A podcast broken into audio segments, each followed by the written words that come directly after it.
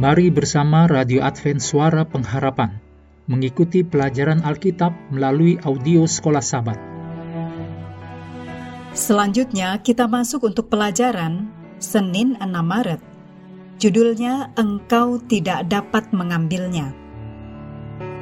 Mari kita mulai dengan doa singkat yang didasarkan dari Mazmur 90 ayat 12. Ajarlah kami menghitung hari-hari kami sedemikian, hingga kami beroleh hati yang bijaksana. Amin.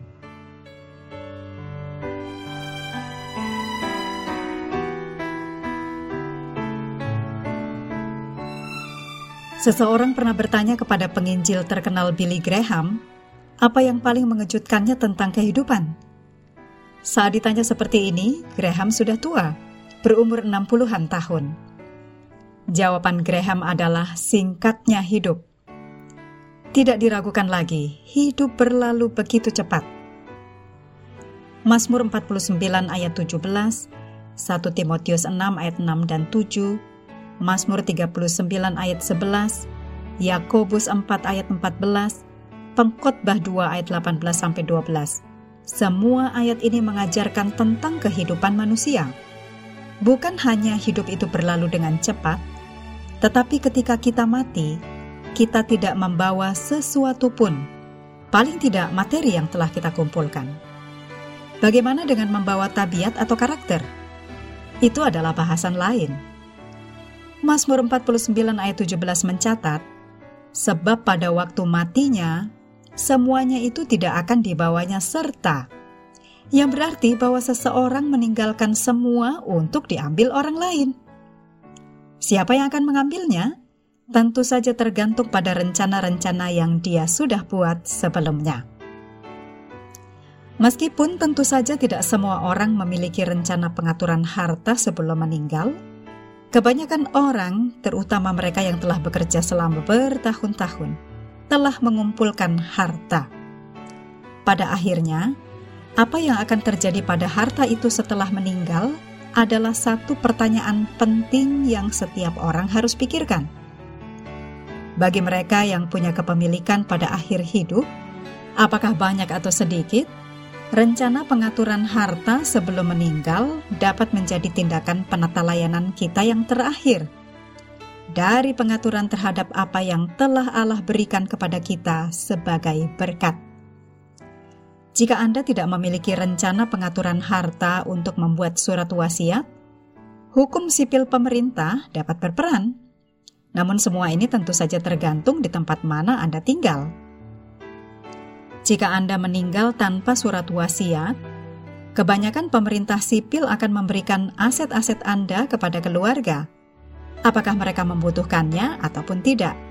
Apakah mereka akan menggunakannya untuk hal-hal yang baik ataupun tidak? Apakah Anda memilih orang itu untuk mendapat bagian ataupun tidak?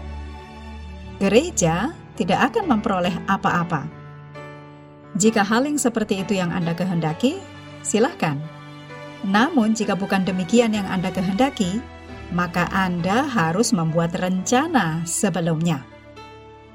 Dalam pengertian yang paling sederhana, kita dapat katakan karena Allah adalah pemilik segala sesuatu, seperti yang ditulis dalam Mazmur 24 ayat 1, akan masuk akal untuk menyimpulkan bahwa pandangan dari kitab suci, ketika kita telah selesai dengan apa yang Allah telah percayakan kepada kita, kita harus mengembalikan kepada Allah sebagai pemilik yang benar apa yang tersisa saat kebutuhan orang-orang yang kita kasihi sudah terpenuhi. Kematian, sebagaimana yang kita tahu, dapat menimpa kapan saja dan tidak diharapkan, bahkan sekarang – apa yang akan terjadi kepada orang-orang yang Anda kasihi jika Anda mati hari ini?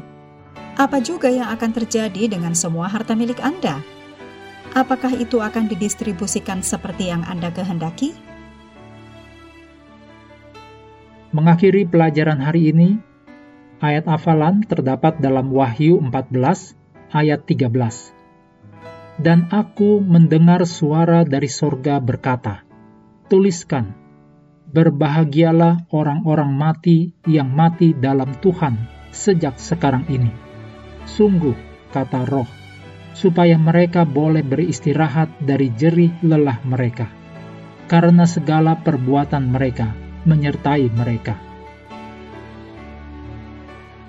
Kami terus mendorong Anda mengambil waktu bersekutu dengan Tuhan setiap hari bersama dengan seluruh anggota keluarga, baik melalui renungan harian, pelajaran sekolah sahabat, juga bacaan Alkitab sedunia percayalah kepada nabi-nabinya.